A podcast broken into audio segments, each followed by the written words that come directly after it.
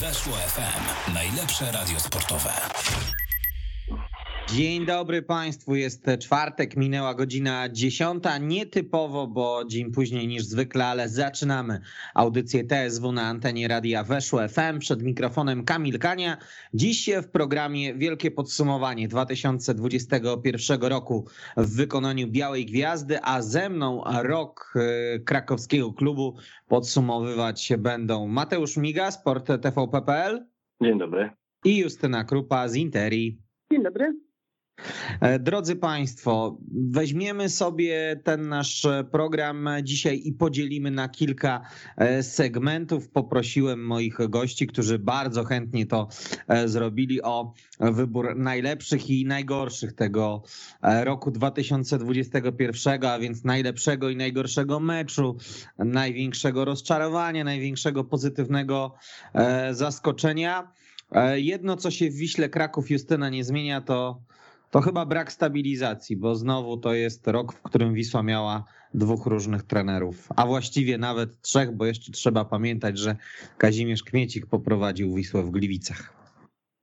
Aczkolwiek na plus trzeba już zaliczyć, że w grudniu przynajmniej mamy święty spokój i możemy rozmawiać o tym, co było, a nie o tym, co się akurat wali, e, co e, podkreślaliśmy po ostatnim meczu, zresztą nawet w rozmowie z e, trenerem Adrianem Gulą, jak tak się zebraliśmy z dziennikarzami ostatnim meczu to właśnie mówiliśmy mu, że ma szczęście, że ten grudzień akurat jest tak spokojny relatywnie w porównaniu z poprzednimi latami w Wiśle Kraków.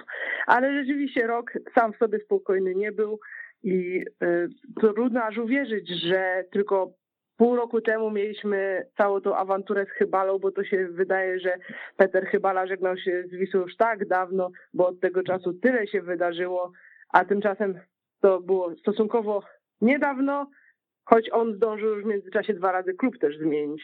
No to prawda, brakuje stabilizacji, natomiast no, musimy te rundy e, jednak rozróżnić, bo o ile runda wiosenna przypominała takie brnięcie w ślepy zaułek, szczególnie po tym, gdy Peter chyba już totalnie zwariował i e, robił wszystko, żeby go Wisła zwolniła, to, to teraz e, no wszyscy związani z klubem mają nadzieję, że, że to jest początek czegoś nowego, że no, że ta drużyna powstaje tak w mękach i w bólach i trwa to bardzo długo, ale jednak, że coś się tutaj nowego rodzi, jakaś podstawa pod to, żeby na wiosnę e, to rozbudowywać. Więc o ile właśnie wiosną, no, e, w tym kończącym się roku zmierzaliśmy do, do takiego bardzo dziwnego punktu, nie wiadomo było, co zrobić z trenerem, znaczy no w pewnym momencie już było wiadomo, nie wiadomo było, jak tą drużynę przebudować, bo trzeba było kopać bardzo głęboko, no i się na to rzeczywiście zdecydowano no to teraz powiedzmy, że jesteśmy na początku jakiegoś nowego rozdziału i no nie wiem, no jakaś taka, jakiś taki delikatny optymizm tutaj się pojawia. Pewnym przełomem w stosunku do lat poprzednich, Mateusz, był też fakt zatrudnienia w końcu dyrektora sportowego. No tak, e, no tak. E, wszyscy długo na to czekaliśmy, namawialiśmy osoby rządzące klubem, żeby, żeby na ten krok się zdecydowały. E, Początkowo panowała taka retoryka wygłaszana przez Jarosława Królewskiego, że oni wolą płacić za swoje własne błędy niż za błędy kogoś innego.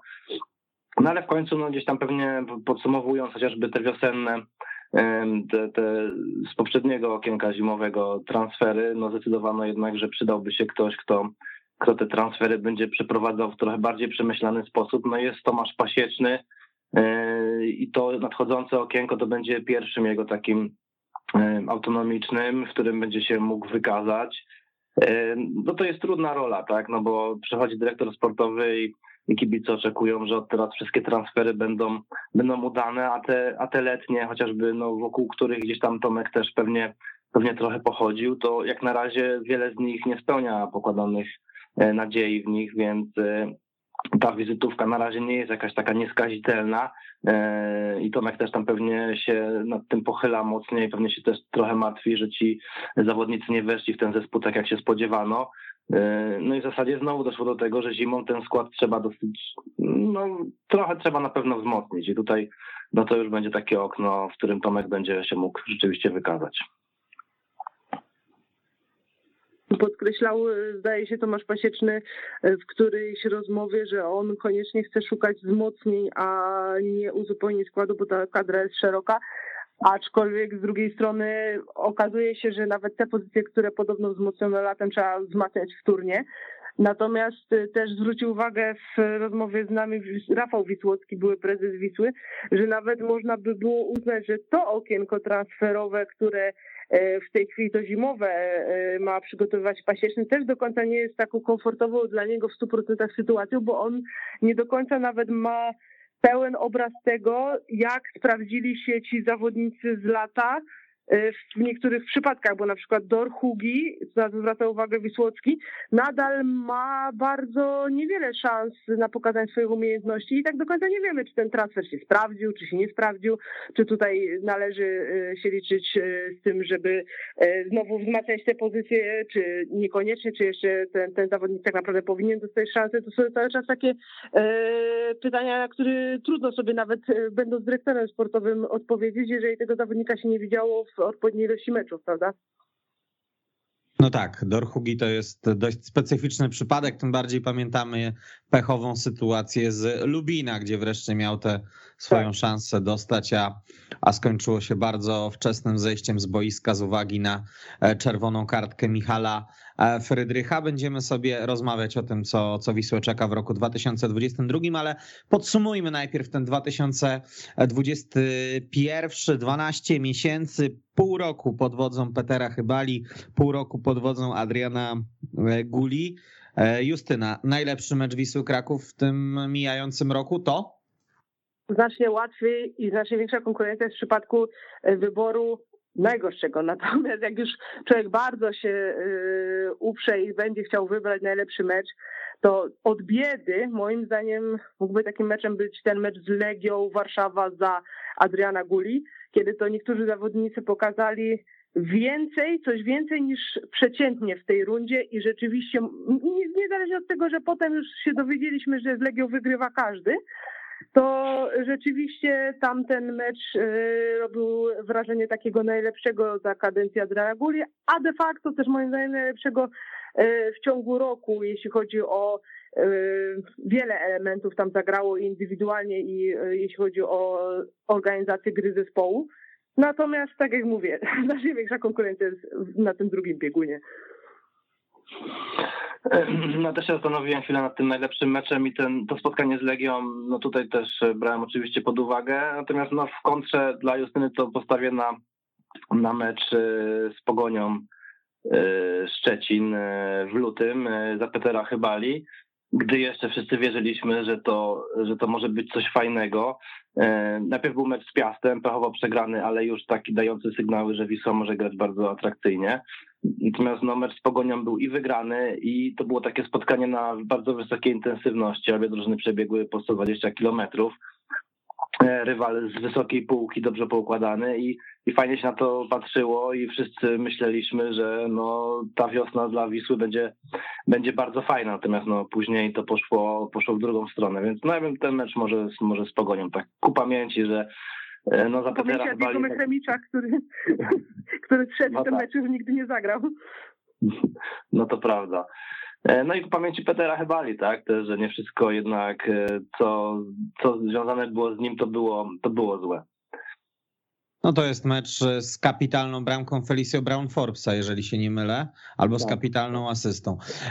Dobrze, drodzy Państwo, no to skoro było tak przyjemnie na początek, to, to zastanówmy się, gdzie gdzie te mankamenty i czy najgorszym meczem roku 2021 e, Wisły Kraków waszym zdaniem było to 0-5 ze Śląskiem? Może teraz Mateusz pierwszy, żebyś mógł podzielić się e, typem zanim swój zdradzi Justyna? No tak, tutaj ta konkurencja jest naprawdę spora i aż, aż sobie przykro było sobie te mecze wspominać. Chyba ten Śląsk jednak wybija się na pierwsze miejsce. No, no wynik e, sam mówi wszystko za siebie. No przegrać u siebie z przeciętną ekstraklasową drużyną 5 do 0 to jest no, powód do wielkiego wstydu. Wisła w, w tym okresie zupełnie nie funkcjonowała w defensywie. No, a Grangula jakoś nie potrafił e, tego poukładać. E, no Śląsk wjeżdżał do bramki w zasadzie co chwilę. E, no mecz do jednej bramki, oddany walkowerem w zasadzie. E, także, także na pewno, no chyba bez konkurencji, no chyba się tutaj nie da, bo myślałem o tych, o tych też wiosennych meczach y, ze schyłkowego Chybali, tam też było kilka takich bardzo e, złych występów, to, to mecz w Bielsku z Podbeskidziem, w Lubinie Zagłębie, to były fatalne spotkania, wtedy też nie można było o grze Wisły powiedzieć nic dobrego, ale no ten Śląsk e, ze względu na skalę wyniku stawiam na pierwszym miejscu. Tutaj ewidentnie Mateusz ściągał ode mnie, bo też wahałam się między Śląskiem Wrocław a meczem z Lubinem, o którym też wspominał Mateusz, bo tam było 1-4 i były po prostu juniorskie, koszmarne błędy popełniane przez Wisłę w defensywie. Ten mecz to był obraz nędzy i rozpaczy za kadencji Petera Chybali. Tutaj e, z Śląskiem owszem wynik był wyższy i błędów również była masa, natomiast jedyną okolicznością łagodzącą była ta kwestia koronawirusa, która troszeczkę namieszała wtedy przed tym spotkaniem w szeregach Wisły, chociaż jak rozmawiałam z byłym trenerem Wisły Robertem Maskantem, który był na tym meczu, on zwraca uwagę, że koronawirus koronawirusem, ale zdziwiło go, że tak późno Wisła reagowała na wydarzenia boiskowe. Nie była w stanie w odpowiednim momencie e, reagować na to, co się e, wydarzyło przy pierwszej, drugiej, trzeciej bramce i skorygować w odpowiednim momencie też taktycznie pewnych rzeczy.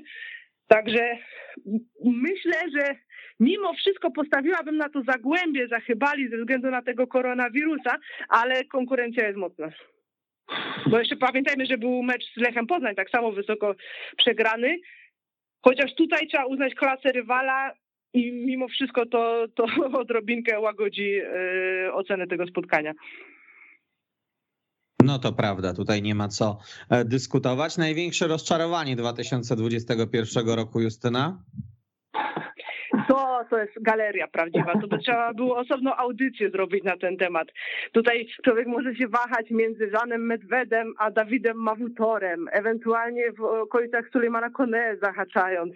Jest tego naprawdę multum, aczkolwiek sprawdziłam przed y, tą audycją, jak sobie radzą te nasze rozczarowania krakowskie obecnie i o dziwo może się okazać, że znowu tutaj zadziałała ta e, stara prawda, w którą wierzą kibice Wisły, że zawodnik dany najgorzej prezentuje się w Krakowie, a potem to już jak odejdzie z e, Wisły, to zaczyna mu iść troszeczkę lepiej. I tak rzeczywiście jest chociażby w przypadku Żana Medweda, który e, w Celie, czyli no, mimo wszystko w Ekstraklasie Słoweńskiej, w 15 meczach, w których wystąpił w Ekstraklasie, strzelił 4 gole, czyli mimo wszystko okazało się, że może nie jest to jakiś niesamowity wynik, ale że strzelać bramki potrafi i to nadal jest y, lepsza forma niż obecni napastnicy Wisły, co ciekawe. Także pod tym względem ostatecznie chyba bym się zdecydowała, jakby tak podsumowując to wszystko, na Dawida Mawutora, który pobyt w Wiśle miał absolutnie koszmarny, zniszczony też psychicznie przez trenera, z tego co wiemy, ale mówię, no grupa pościgowa jest mocna. No rzeczywiście. No ja, ja bym jednak tych, tych piłkarzy sprowadzanych wiosną wsadził do innego worka, bo ja wobec, okej, okay, może wobec Medweda miałem pewne oczekiwania, natomiast wobec Kone i tego Mawutora to nie miałem żadnych oczekiwań i, i w zasadzie spełnili te, oczekiwania, których nie miałem, bo no spodziewałem się mniej więcej takiego poziomu przez nich zaprezentowanych. Gdzieś tam Kone miał jakiś jeden przyzwoity mecz i, i chyba tyle. E, natomiast tych piłkarzy, którzy dołączyli na, latem do drużyny, też nie, nie chciałbym jeszcze tak ostatecznie rozliczać. E, no, po kilku z nich na pewno spodziewałem się więcej, więc e, można by, można by ich tutaj blisko tego rozczarowania umieścić, natomiast poczekajmy jeszcze trochę. Ja bym tutaj wybrał Nikolę Kuwelicza, co do którego miałem dużo, dużo większe oczekiwania. On miał dużo czasu, żeby w tym roku przekonać o tym, że idzie do przodu, a, a tego nie zrobił. I, I w zasadzie no, no Wisła ma z nim problem, no bo tutaj postawiono na tego chłopaka, wierząc, że on zrobi szybki postęp i uda się go korzystnie sprzedać. Natomiast no, no już widać chyba, że ten plan się nie powiedzie. Chłopak całkowicie zatrzymał się w rozwoju, e, nawet e, się zaczął cofać. Nie wiem, co leży u podstaw tych kłopotów, z czego to się bierze. Natomiast no, e, no dla mnie to jest rozczarowanie największe. Ja się zgadzam też z Mateuszem, że warto wyróżnić tutaj ten przypadek, bo naprawdę ta różnica między oczekiwaniami, jakie były wobec tego zawodnika, mm -hmm. chociaż też one były troszeczkę od, od, czapy, bo nie wiadomo skąd do końca się wzięły, a tym, co zaprezentował, to, to jest jednak gigantyczna. Może to wszystko się wzięło z tych pogłosek, że Partizan był nim swego czasu zainteresowany, natomiast no musiał chyba trener ówczesny Partyzana e, Sławo Miloszewicz e, interesować się i oglądać Kuwelicza między jednym odcinkiem serialu e, bizantyjskiego, w którym sam występował w roli aktora, a drugim, bo chyba troszeczkę było to również chybione, że, że tym zawodnikiem taki klub jak Partyzan z takim budżetem mógłby się interesować. Miał takie momenty, jeżeli dodam jeszcze od siebie, że że, no bo on tak, wysoki, oczywiście taki trochę nie, niegramotny, taki trochę nieposkładany i czasem to dziwnie wygląda, jak on, jak on biegnie. Natomiast miał takie momenty, że był całkiem mobilny i, i sprawny w odbiorze i, i, mógł się podobać. No, natomiast no, ta jesień, gdy się pojawił na boisku, no to, to już tylko ze swojej te najgorsze strony pokazywał. Zasłynął w najnowszej produkcji Kanal Plus sędziowie dyskusją z Szymonem Marciniakiem bodaj.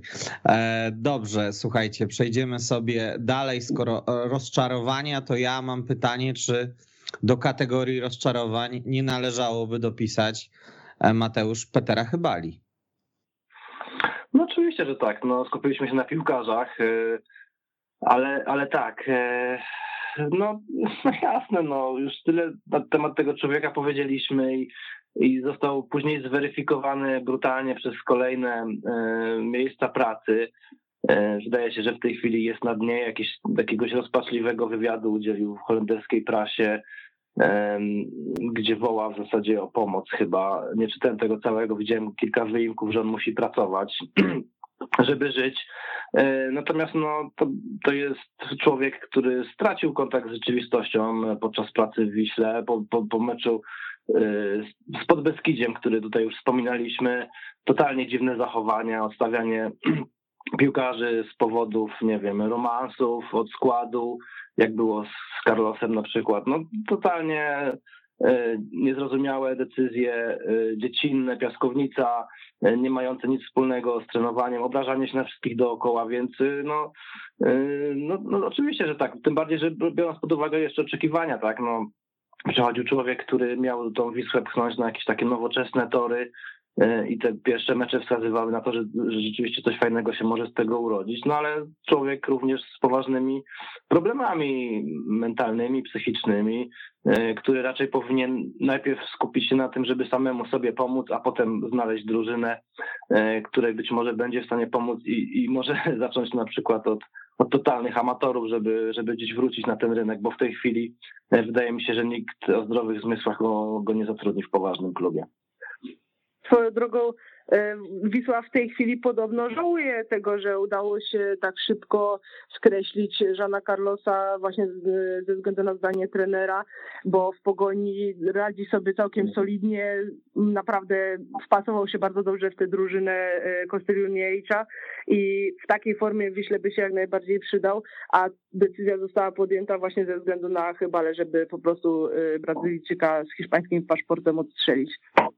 No pytanie no. tylko Justyna, czy w Wiśle Kraków też zostałby tak dobrze wpasowany jak w Pogoni? To jest oczywiście inna sprawa, bo jak już ustaliliśmy, nawet Jean Merwet po Wiśle bardziej strzela. No to był moment, w którym Wiśle zabrakło dyrektora sportowego, który właśnie powie tak. halo, halo, ale hola, hola. E, e, przecież e, za chwilę trenera może tu nie być. Poczekajmy jeszcze chwilę, bo to już był ten moment, gdy Petr Chybala był na wylocie przecież kilka tygodni później. E, trzeba to było zagrać na czas. Natomiast no, podejrzewam, że też Jean dostał ofertę z pogoni taką, e, która przebiłaby propozycję Wisły, więc e, no chyba, żeby został, chciał zostać w Krakowie, tak? Natomiast no, Wisła nie, nie, nie, podjęła tego wysiłku, tej próby zatrzymania go i właśnie w tym momencie zabrakło dyrektora sportowego, który powinien powiedzieć, porozmawiać z Carlosem, poczekaj jeszcze chwilę, może sytuacja się zmieni, bo widzisz co jest i siądziemy, porozmawiamy. I wydaje mi się, że tego po prostu w tym przypadku zabrakło. To, żeby tak zmienić troszeczkę nastroje kibiców Wisły Kraków i przejść do e, rzeczy nieco przyjemniejszych, kto Was zaskoczył na plus w 2021 roku? Kogo byście wyróżnili w kategorii taka największa niespodzianka, oczywiście w sensie pozytywnym, Justyna? Tutaj myślę, że są dwie kandydatury, ale jeśli chodzi o cały rok, to był to rok, jeśli chodzi o takie właśnie młode talenty wybijające się Korada Gruszkowskiego, który de facto pod koniec zeszłego roku został w ogóle odkryty przez, dla szerszej publiczności, wystawiony w derbach z Nienacka przez Petra Chybale, ale utrzymał się na tym y, wysokim poziomie ekstraklasowym i przebił się do pierwszej drużyny na dobre. Już za Adriana Guli zrobił naprawdę spory postęp, chyba największy, jeśli chodzi o tych młodych piłkarzy za Adriana Guli. I dowodem na to, że jednak robi ten postęp, są powołania do kadry młodzieżowej, prawda? I tutaj widzimy ewidentnie, że kariera to może jeszcze jest za duże słowo, ale, ale rozwój tego piłkarza zaczyna nabierać tempa i pod tym względem to jest taki modelowy przykład tego, do czego Wisła chce dążyć, jeśli chodzi o rozwój młodych zawodników. Z innymi już czasami tak łatwo nie jest. No, w połowie roku doszedł jeszcze Mikołaj Biegański, który też udało się Wiśle wstrzeć w naprawdę dość utalentowanego bramkarza i po, niezależnie od paru błędów, które popełnił, pokazał ostatecznie, że warto na niego stawiać, także jeśli chodzi o to ostatnie pół roku, to tutaj Biegański też zasługuje na wyróżnienie, aczkolwiek jeśli chodzi o cały rok, to Gruszkowski. Mhm. No to na pewno są bardzo mocne kandydatury. Jeżeli miałbym to grono poszerzyć, to po rundzie wiosennej byśmy pewno tutaj umieścili Piotra Starzyńskiego, E, Jesienią trochę zgasł, ale to jest młody chłopak i e, młodszy, najmłodszy z tego grona, o którym mówimy, e, z potencjałem ciągle, więc nie warto go skreślać.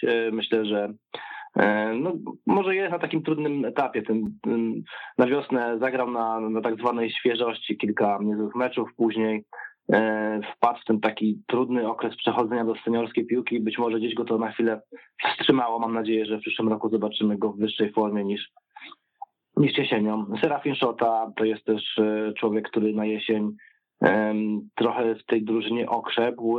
Także tutaj takich rozwojowych piłkarzy jest kilku. E, wydaje mi się, że też są przypadki trochę ciągnięcia za uszy, takiego grania e, tymi młodzieżowcami na siłę, ale podoba mi się ta polityka. No jeżeli jest taki sezon kolejny już, tak, w którym Wisła nie będzie się biła o, o te najwyższe cele, to to rozwi- niech rozwija tych młodych piłkarzy. Nie, nie z każdym się uda, bo to jest, bo to jest oczywiste. Nie, nie każdy zrobi oczekiwany postęp. E, czasem nie, za, nie zadziała głowa, czasem się okaże, że te limity są po prostu na zbyt niskim poziomie. Natomiast no, jest to dobra droga, tak? E, I jak widać po rundzie jesiennej, e, kilku piłkarzy, właśnie Mikołaj czy Konrad, o których wspomniała Justyna, tak mocno weszli do zespołu. I, I w zasadzie wydaje mi się, że mają mocną pozycję. E, no i to jest pozytyw tak, tego kończącego się roku. Gdybym ja miał wybierać i gdyby to mnie zapytano, to ja wskazałbym Biegańskiego, e, dlatego że mówimy o nastoletnim bramkarzu, e, który tak naprawdę przeskoczył jedną klasę rozgrywkową. On ze Skrą Częstochowa awansował z drugiej ligi do pierwszej, przeszedł do klubu ekstraklasy i okej, okay, tutaj była sprawa Mateusza Lisa, który odchodził, ale wskoczył do bramki, a później, no tak to trzeba e, ująć, słuchajcie, wygrał rywalizację z bardziej doświadczonym Pawłem Kieszkiem Justyna. Chociaż oczywiście u Adriana Guli to ciężko powiedzieć ostatnio, kto wygrywa rywalizację, bo Gula Mota w tej bramce miesza i tak naprawdę e, zaskakuje z nienacka e, zamianą tych, tych e, bramkarzy, tego pierwszego bramkarza. Natomiast rzeczywiście Biegański, no mnie osobiście zaskoczył pozytywnie, bo na początku się spodziewałam, że może to być właśnie tak jak Mateusz mówi taki przypadek trochę ciągnięcia za uszy, trochę uwierzenia e, w kogoś i na siłę troszeczkę e, udowadniania, że, że się miało rację, ale okazało się, że e, Biegański zadał kłam tym hipotezom. Okazało się, że rzeczywiście na linii jest bramkarzem o świetnym refleksie. Ma oczywiście jeszcze na czym pracować, bo to wiemy, że ten, ten element z wyjściem do dośrodkowań jeszcze może poprawić, ale to akurat E, w przypadku wielu młodych bramkarzy jeszcze jest do skorygowania i to wszystko jest kwestia rozwoju, natomiast potencjał jak najbardziej w tym zawodniku jest bardzo duży i jeżeli będzie się w takim tempie rozwijał, no to zostanie kolejnym Mateuszem Lisem prawdopodobnie, jeśli chodzi o e, przyszłość i rozwój kariery. No tak, Mateusz Lis też był sprowadzony po to, żeby go sprzedać i, i też się momentami wydawało, że nic z tego już nie wyjdzie, a jednak e, udało się ten plan zrealizować. Mikołaj wydaje się bardzo mocny mentalnie, e, bo no, to warto podkreślić to, o czym Kamil wspomniałeś, że wygrał rywalizację z dużo starszym od siebie, dużo bardziej doświadczonym zawodnikiem i, i, i zniósł mentalnie te, te, te, te początek też taki trudny, tak, bo powiedzmy po meczu z Termaliką też można było mieć do niego pretensje, ale ale gdzieś sobie, sobie z tym poradził i, i pod koniec rundy był, też był mocnym punktem e, zespołu. Szkoda tylko, że nie udziela wywiadów y, dłuższych niż pomeczowe. Czasami zupełnie świadomie odmawia wywiadów i to nie tylko jednemu czy dwóm dziennikarzom, ale generalnie. Podobno jest to polityka menadżera. E, jeśli tak, no to moim zdaniem nie trafiona, bo y, zawodnik taki młody aż się prosi, żeby, żeby kibice mogli się o nim czegoś więcej dowiedzieć, ale e, z tego co wiem, nie jednej osobie odmawiał wywiadu w tej rundzie. Może to się zmieni. Tak, tak, też się z tym spotkałem. E, no, zresztą trochę mnie to rozbawiło, bo, bo chciałem rozmawiać z Mikołajem, a później z Pawłem Kieszkiem i okazało się, że żaden nie ma ochoty na rozmowy, więc trochę, mnie, trochę mnie to dziwi, bo jednak Wiśle powinno zależeć, żeby jej piłkarze byli aktywni w mediach. I Trzeba było Mateusz zadzwonić do Michała Buchalika, wciąż był jeszcze piłkarzem Wisły. Tak, tak, mogłem tak zrobić rzeczywiście. Yy, no, powiedzmy, że tam gdzieś przypadek Mikołaja staram się zrozumieć, tak, no bo widocznie uznali wspólnie z menadżerem, że, że te wywiady tak bardzo zawrócą mu w głowie, że ten rozwój pójdzie w złym kierunku. No okej, okay, ja się z tym nie do końca zgadzam, bo to można zrobić z głową, natomiast no okej, okay, gdzieś tam to rozumiem, natomiast no e, doświadczony bramkarz, który odmawia wywiadu, bo, bo nie wiem, bo nie wyszedł mu ostatni mecz, czy coś takiego, no to to jest trochę, trochę słabe, no a mam nadzieję, że menadżer Mikołaja w końcu przekona się do tego, że warto raz na jakiś czas jednak porozmawiać, bo jest to część tego zawodu. Jaki będzie rok 2022 w wykonaniu Wisły Kraków? Nad tym chciałbym, abyśmy się teraz e, pochylili. Priorytetem Mateusz są chyba wzmocnienia do tej drużyny. Adrian Gula nawet e, w wywiadzie ze mną powiedział, że no tutaj świeża krew jest absolutnie niezbędna. No tak, e, to się zgadza. No jest kilka pozycji, które należy wzmocnić, ale też trzeba cały czas pamiętać, że ta kadra jest dosyć szeroka, co w sytuacji finansowej Wisły nie jest takie hop żeby tą kadrę poszerzać do e, rozdmuchiwać ją do 30 nazwisk, bo to się może też źle skończyć.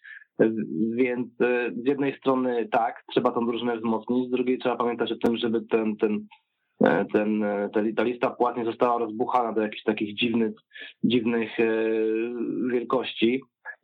No, no cóż, no, jest tu jeszcze kilku piłkarzy, którzy tej wartości swojej nie udowodnili, tak? Także, e, także jest nadzieja na to, że będą na wiosnę grali lepiej, ale no tak, no niby przydałby się nowy napastnik, a jest dwóch, tak, e, z których każdy powinien strzelać gole. Moim zdaniem priorytetem jest, e, jest środek e, drugiej linii.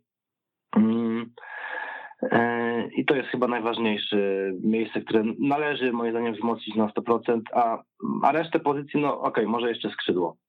Reszta pozycji powinna się, powinna się bronić tym, co jest. Tutaj w klubie zdaje się mają dokładnie takie samo widzenie, bo e, jako jedną z pierwszych e, pozycji właśnie do obsadzenia e, to była pozycja środek, e, środek pomocy, jeśli chodzi o te, którymi się zajęto w pierwszej kolejności i znaleziono tam zawodnika, którego nazwisko pewnie jeszcze poznamy. Natomiast jeśli chodzi o tę jakość tych transferów, to jest kluczowa sprawa, żeby właśnie udało się w końcu poprawić jakość sprowadzanych zawodników w tym okienku transferowym, bo trzeba uświadomić sobie, jak dużo pieniędzy przepalono w ciągu ostatniego roku.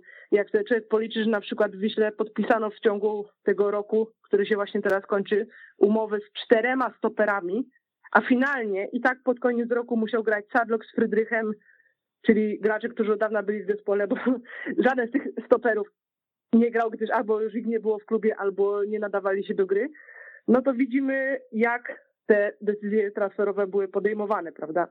Także to jest jedna z, jeden z aspektów do poprawy. A jeśli chodzi o taki drugi aspekt do poprawy po ostatnim roku w klubie, jaki mnie się nasuwa, to jest moim zdaniem kwestia rozwoju marketingu szeroko pojętego. Natomiast tutaj rozmawiałam kiedyś z zarządem Wisły, jak oni to widzą i o dziwo y, usłyszałam, że ich zdaniem to funkcjonuje na zadowalającym poziomie i niekoniecznie może przynieść jakiś pozytywny skutek, ewentualny rozwój, doinwestowanie kwestii marketingu. Tymczasem mam wrażenie, że Wiśle pod takim szeroko rozumianym względem marketingowym trochę wiele klubów ligowych uciekło, mimo że potencjał może mają trochę mniejszy. Ale to jest moja subiektywna opinia. E, aktywność Wisły, tak, marketingowa, e, zgodzę się, że mogłaby być większa.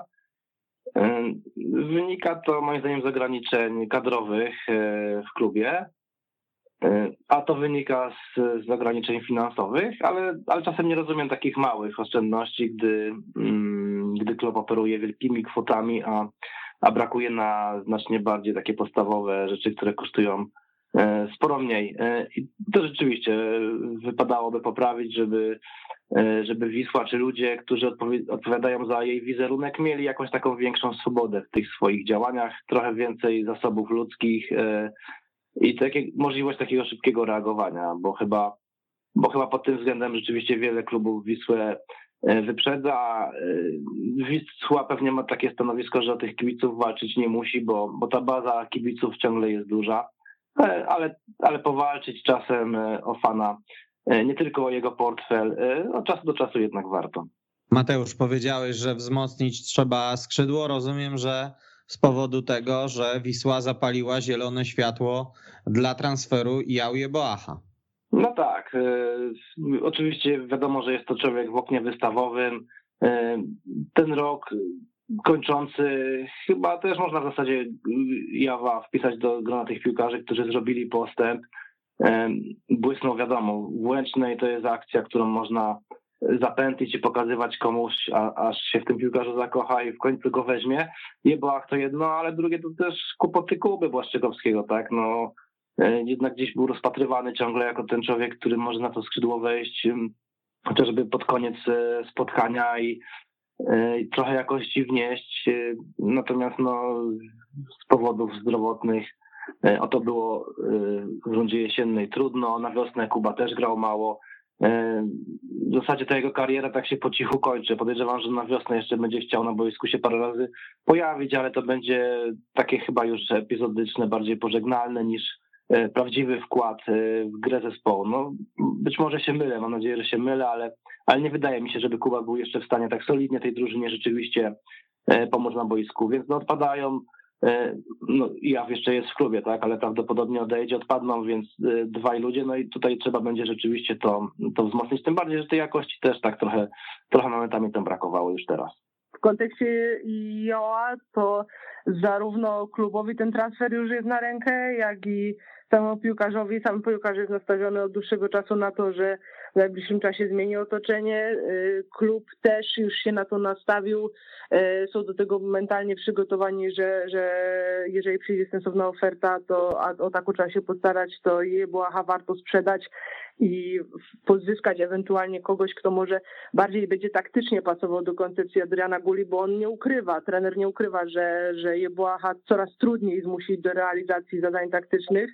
I o ile w pewnym momencie próbował z nim walczyć o to, żeby właśnie wracał do obrony, żeby e, był bardziej zdyscyplinowany taktycznie, o tyle mam wrażenie, że pod koniec rundy już obie strony odpuściły i pogodziły się z tym, że nic z tego nie będzie, bo Jebłach zaczął robić już co mu się żywnie podoba na boisku a trener przestał ukrywać, że, że jemu się to podoba. Także tutaj z tej mąki chleba pewnie by i tak nie było, a y, jest szansa y, zarobić na tym zawodniku. Jeżeli rzeczywiście uda się jakiekolwiek sensowne pieniądze za Jebuacha pozyskać, no to też będzie dodatkowy y, środek do tego, żeby zasypywać trochę te problematyczne luki w finansach, których nadal Wisła ma sporo ja bym na przykład życzyła Wiśle, żeby w e, kolejnym roku już nie było takiej sytuacji, że kiedy dzwoni się do jakiegoś byłego współpracownika Wisły Kraków, ja na przykład dzwoniłam do e, Matiasa Czuciego, byłego asystenta Cario, po zupełnie innej sprawie. Dzwoniłam e, przed meczem Polski z Węgrami, ale i tak najpierw trzeba było wysłuchać dziesięciominutowych jakby nie że pretensji, ale no, no po prostu żali tego człowieka, że Wisła Kraków nie wywiązała się z obietnic, które jego zdaniem były mu składane i że jakby nadal nie otrzymał w pełni wynagrodzenia za okres pracy w Krakowie, jak twierdził w tej rozmowie, na co klub przyznał, że no nadal są pandemiczne e, ograniczenia, nadal te finanse nie są w optymalnym stanie, no i jest im bardzo przykro, no ale tak. I takie sytuacje dobrze by było, żeby się już nie zdarzały, tym bardziej, że taki pracownik właśnie jak Czuci pracował w Wiśle już e, kawał czasu temu, bo w 2018 roku i widzimy, jaki okres od tego czasu minął, prawda? No tak. E, powiedzcie mi, czy wy wierzycie jeszcze w Stefana Sawicia, bo wysłał pewien sygnał tym meczem z Brookbetem Termaliką Nieciecza Austriak bałkańskiego pochodzenia. Justyna. Ja przyznam szczerze, że w momencie, w którym e, Sawicz dostał od Guli szansę w Gliwicach i jej nie wykorzystał, byłam już przekonana, że ten zawodnik nie wróci do E, pierwszego składu w Wiśle i że to jest właściwie jego koniec e, w Wiśle Kraków, tym bardziej, że potem doznał kontuzji dość takiej w miarę poważnej. Natomiast okazało się, że Sawicz jednak postanowił powalczyć.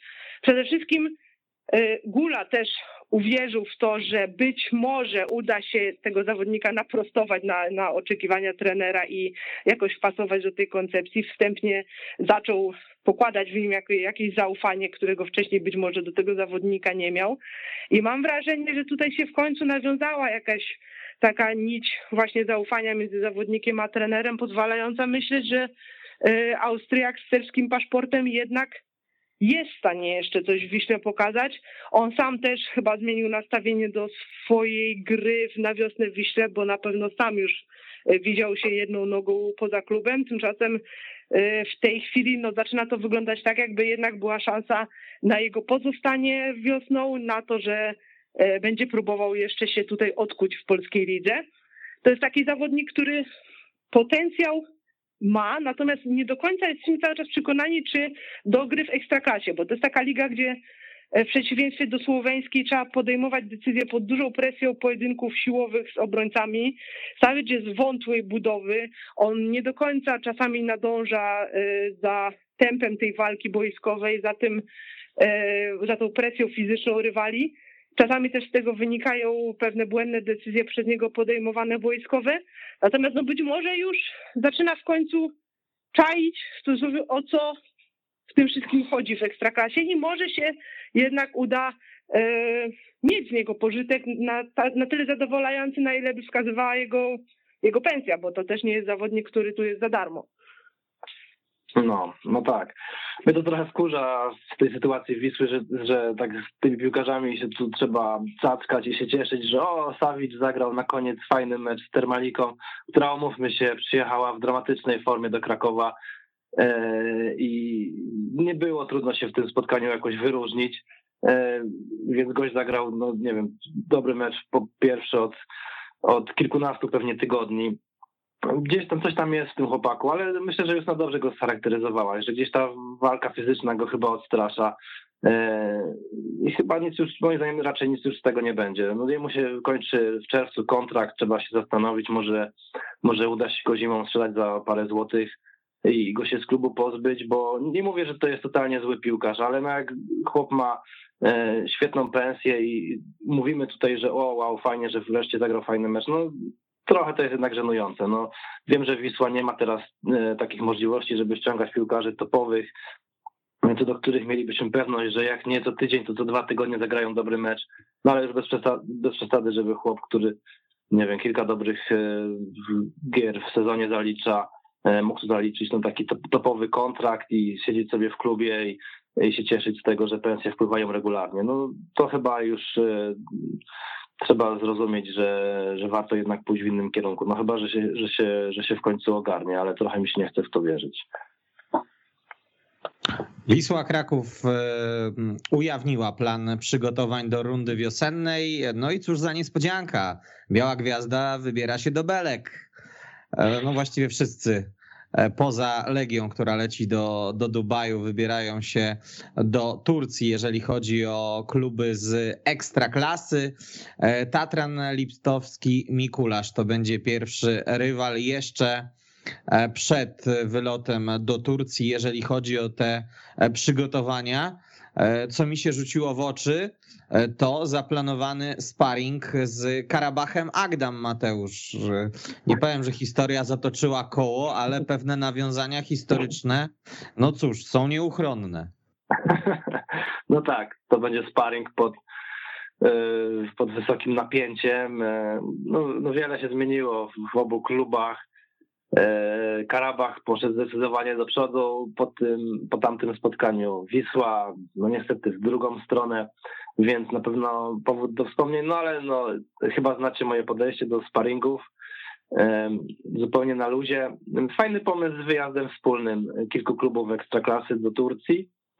Mm, bo to też pokazuje, że można współpracować, mimo tego, że na boisku trzeba o punkty walczyć, a w czasach kryzysu jest to bardzo trafne rozwiązanie i, i podoba mi się i w zasadzie e, też kluby ekstraklasy pewnie w, Turcji rozegrają kilka sparingów pod pomysł, żeby tam jakiś rozegrać zimowy puchar i może też coś w tym jest, aczkolwiek podejrzewam, że trenerzy ekstraklasy, jak już jadą do Turcji, to chcą E, no, spróbować zmierzyć się z rywalem zagranicznym, żeby tej, tej takiej innej gry trochę, trochę poczuć, skoro w pucharach tak rzadko mamy ku temu okazję. No ale jaka ta liga jest, jak widzicie, rozwinięta, skoro nawet drużyna broniąca się przed spadkiem ma szansę jechać do Dubaju na przygotowania zimowe, to potężna liga. A tak poważnie to yy, Wisła też przy okazji spotka swojego e, byłego piłkarza Lukasa Klemenza w sparingu z Honvedem Budapeszt, także e, starzy znajomi, ale Oczywiście trochę żal, że nie będzie tradycyjnego sparingu z Puszczą Niepołomice, ewentualnie Zagłębiem Sosnowiec. Nie wygląda to profesjonalnie, jak takie przygotowania są planowane w Krakowie bez Zagłębia Sosnowiec trener może nie zna jeszcze tego. Chyba, że wiecie, no ostatnio te sparingi były, były, a później w lidze szło jak szło, więc może to jest jakiś pomysł, żeby od tego odejść jednak, bo to może nie ma sensu już tego ciągnąć. Poważniej mówiąc, Mateusz, powiedziałeś, że się wiele zmieniło e, od czasu ostatniego spotkania Wisły z Karabachem. Nie zmienił się trener Karabachu, Gurban Gurbanow już 13 lat na na stanowisku e, trenera azerskiej drużyny. E, to tak w nawiązaniu do tych częstych zmian trenerów w polskiej lidze, no i także w Wiśle Kraków. Czego byście życzyli Adrianowi Guli i jego piłkarzom na, na ten nadchodzący rok? Justyna przede wszystkim zdrowia, bo tutaj też z tym było ostatnio było różnie. No i oczywiście, żeby koncentracja się ich trzymała, żeby czerwone kartki po zagraniach Macieja Sarloka do Michała Frydrycha stały się już tylko wspomnieniem, bo ile razy można powtarzać ten sam dowcip, a także e, tego, o czym już mówiliśmy, e, żeby wreszcie ten zespół zaczął e, funkcjonować według takiego planu, który sobie klub nakreślił, bo fajnie by było, jakby coś w tej ekstrakasie jednak było przewidywalne. No to ja dorzucę do tych y, słusznych życzeń e, zdobycia Pucharu Polski. Może trochę e, grubo, e, no ale to myślę, że to by był taki fajny impuls dla tego klubu, że, że czas no, zacząć walczyć o coś więcej niż tylko to utrzymanie w lidze, bo to kibiców już znudziło. Myślę, że kilka sezonów wstecz tak naprawdę. E, widzą zmieniających się piłkarzy, widzą zmieniających się trenerów, a drużyna e, generalnie ciągle gra poniżej oczekiwań, poza jakimiś tam pojedynczymi meczami.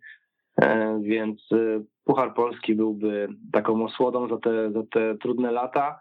Natomiast no, na to trzeba oczywiście zapracować, tak? No to samo nie przyjdzie, bo o ile ten pierwszy rywal w ćwierćfinale jest jeszcze z niższej półki, to, no to później już zaczną się schody i trzeba będzie ograć dwóch jeszcze bardzo mocnych przeciwników.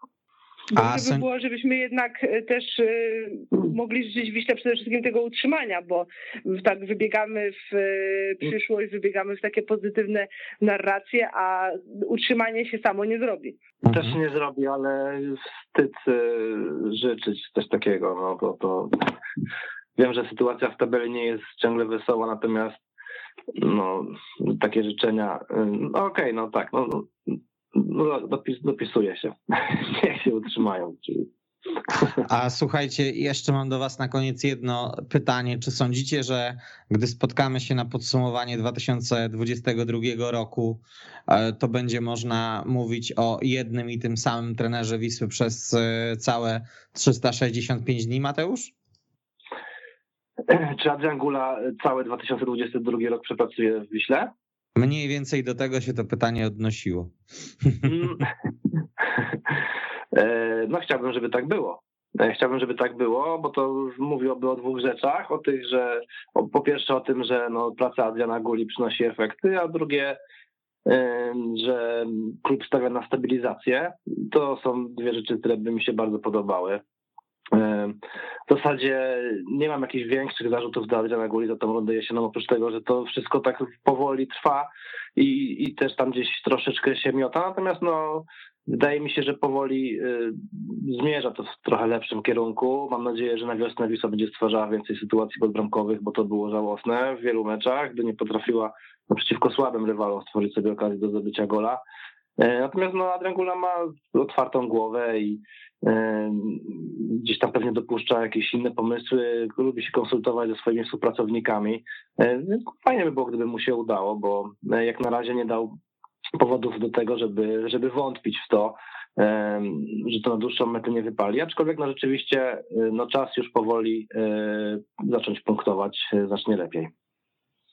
My jako dziennikarze mamy te y, tutaj y, komplement zawsze wobec Adriana Guli y, z tyłu głowy, że potrafi dobrze tłumaczyć to, na czym polega jego praca, potrafi rozmawiać z mediami, ma z nimi dobry kontakt i pod tym względem chyba nie ma dziennikarza na Wiśle, który by mu źle życzył, bo się dobrze z nim współpracuje. Natomiast czy on dotrwa do końca 2022 roku, to tylko chyba najwięksi optymiści byliby przekonani o tym, a ja już e, swoje lata mam i tyle Wiśle widziałam, że trudno mi uwierzyć to w 100%, ale również mu tego życzę jak najbardziej. I to będzie puenta tego naszego dzisiejszego spotkania, puenta ostatniej w tym roku audycji TSW na antenie Weszło FM. Gośćmi programu byli dzisiaj Justyna Krupa z Interi. Dziękuję bardzo. I Mateusz Miga, Sport TVP.pl. Dziękuję. Za uwagę i wspólnie spędzony czas dziękuję także Kamil Kania. Życzę Państwu wszystkiego najlepszego w nadchodzącym 2022 roku. Przede wszystkim zdrowia, ale także dużo piłkarskich emocji oczywiście. Do usłyszenia. Weszło FM. Najlepsze radio sportowe.